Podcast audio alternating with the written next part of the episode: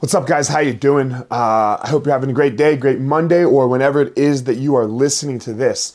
Um, man, I want to talk about uh, another Buddhist concept. Uh, I don't know if it's Buddhist concept. I think it's Buddhism, uh, but it's this idea of the rider and the elephant.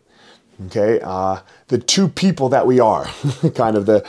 Uh, what am I saying here? Let's get into it. So you are the rider. Of course, you are the one witnessing and doing your life and, and, and making your life happen. But there's this other thing that's going on. Um, and it's got a lot to do with uh, one, your nature, and then two, your nurture. This rider that you are, you're sitting on top of an elephant. And this elephant is massive. And at any point, this elephant can take off and run in any direction. And uh, you, as the rider, are dealing with it, but you have no real control over where that elephant is going. And this is a concept that we can use with our life. The goal and what we really want to try to start to do is we want to try to step back. We want to try to separate so that we can start to take notice of our life, so that we can start to take notice of what is happening, one, obviously, but two, and more importantly, why is it happening? Okay? Why is this happening? What is it that is going on so that I can really start to observe?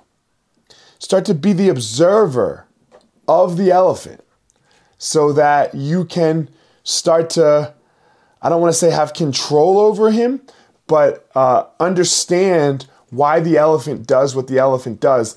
And the rider doesn't have to go on this crazy journey every time something bites or stings or hits the elephant.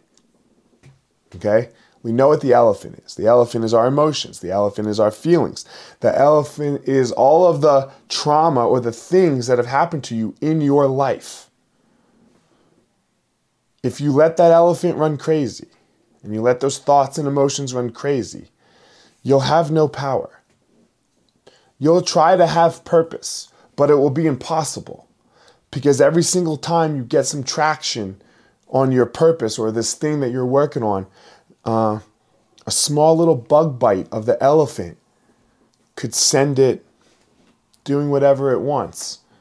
And then all of your purpose, everything that you've been working on so hard will just fall away. And you'll have to start all over again. So, can we observe, guys? Can we start to observe uh, our life? Can, can you step back from it from a second and observe what it is that you just did? What was skillful? What was unskillful? How could I do it better? Okay. Uh, what do I not want to do again? What do I want to do again? This is a really important thing. This is a really important thing that we all have to do, that I have to do, that you have to do, that anybody that's successful and looking to have some power over their life and purpose towards their life really needs to have and really needs to be doing. So that's it. Observe, become the observer. That is where you're going to discover your passion. That is where you're going to find your power. And that is where you're going to be able to give your purpose to the world.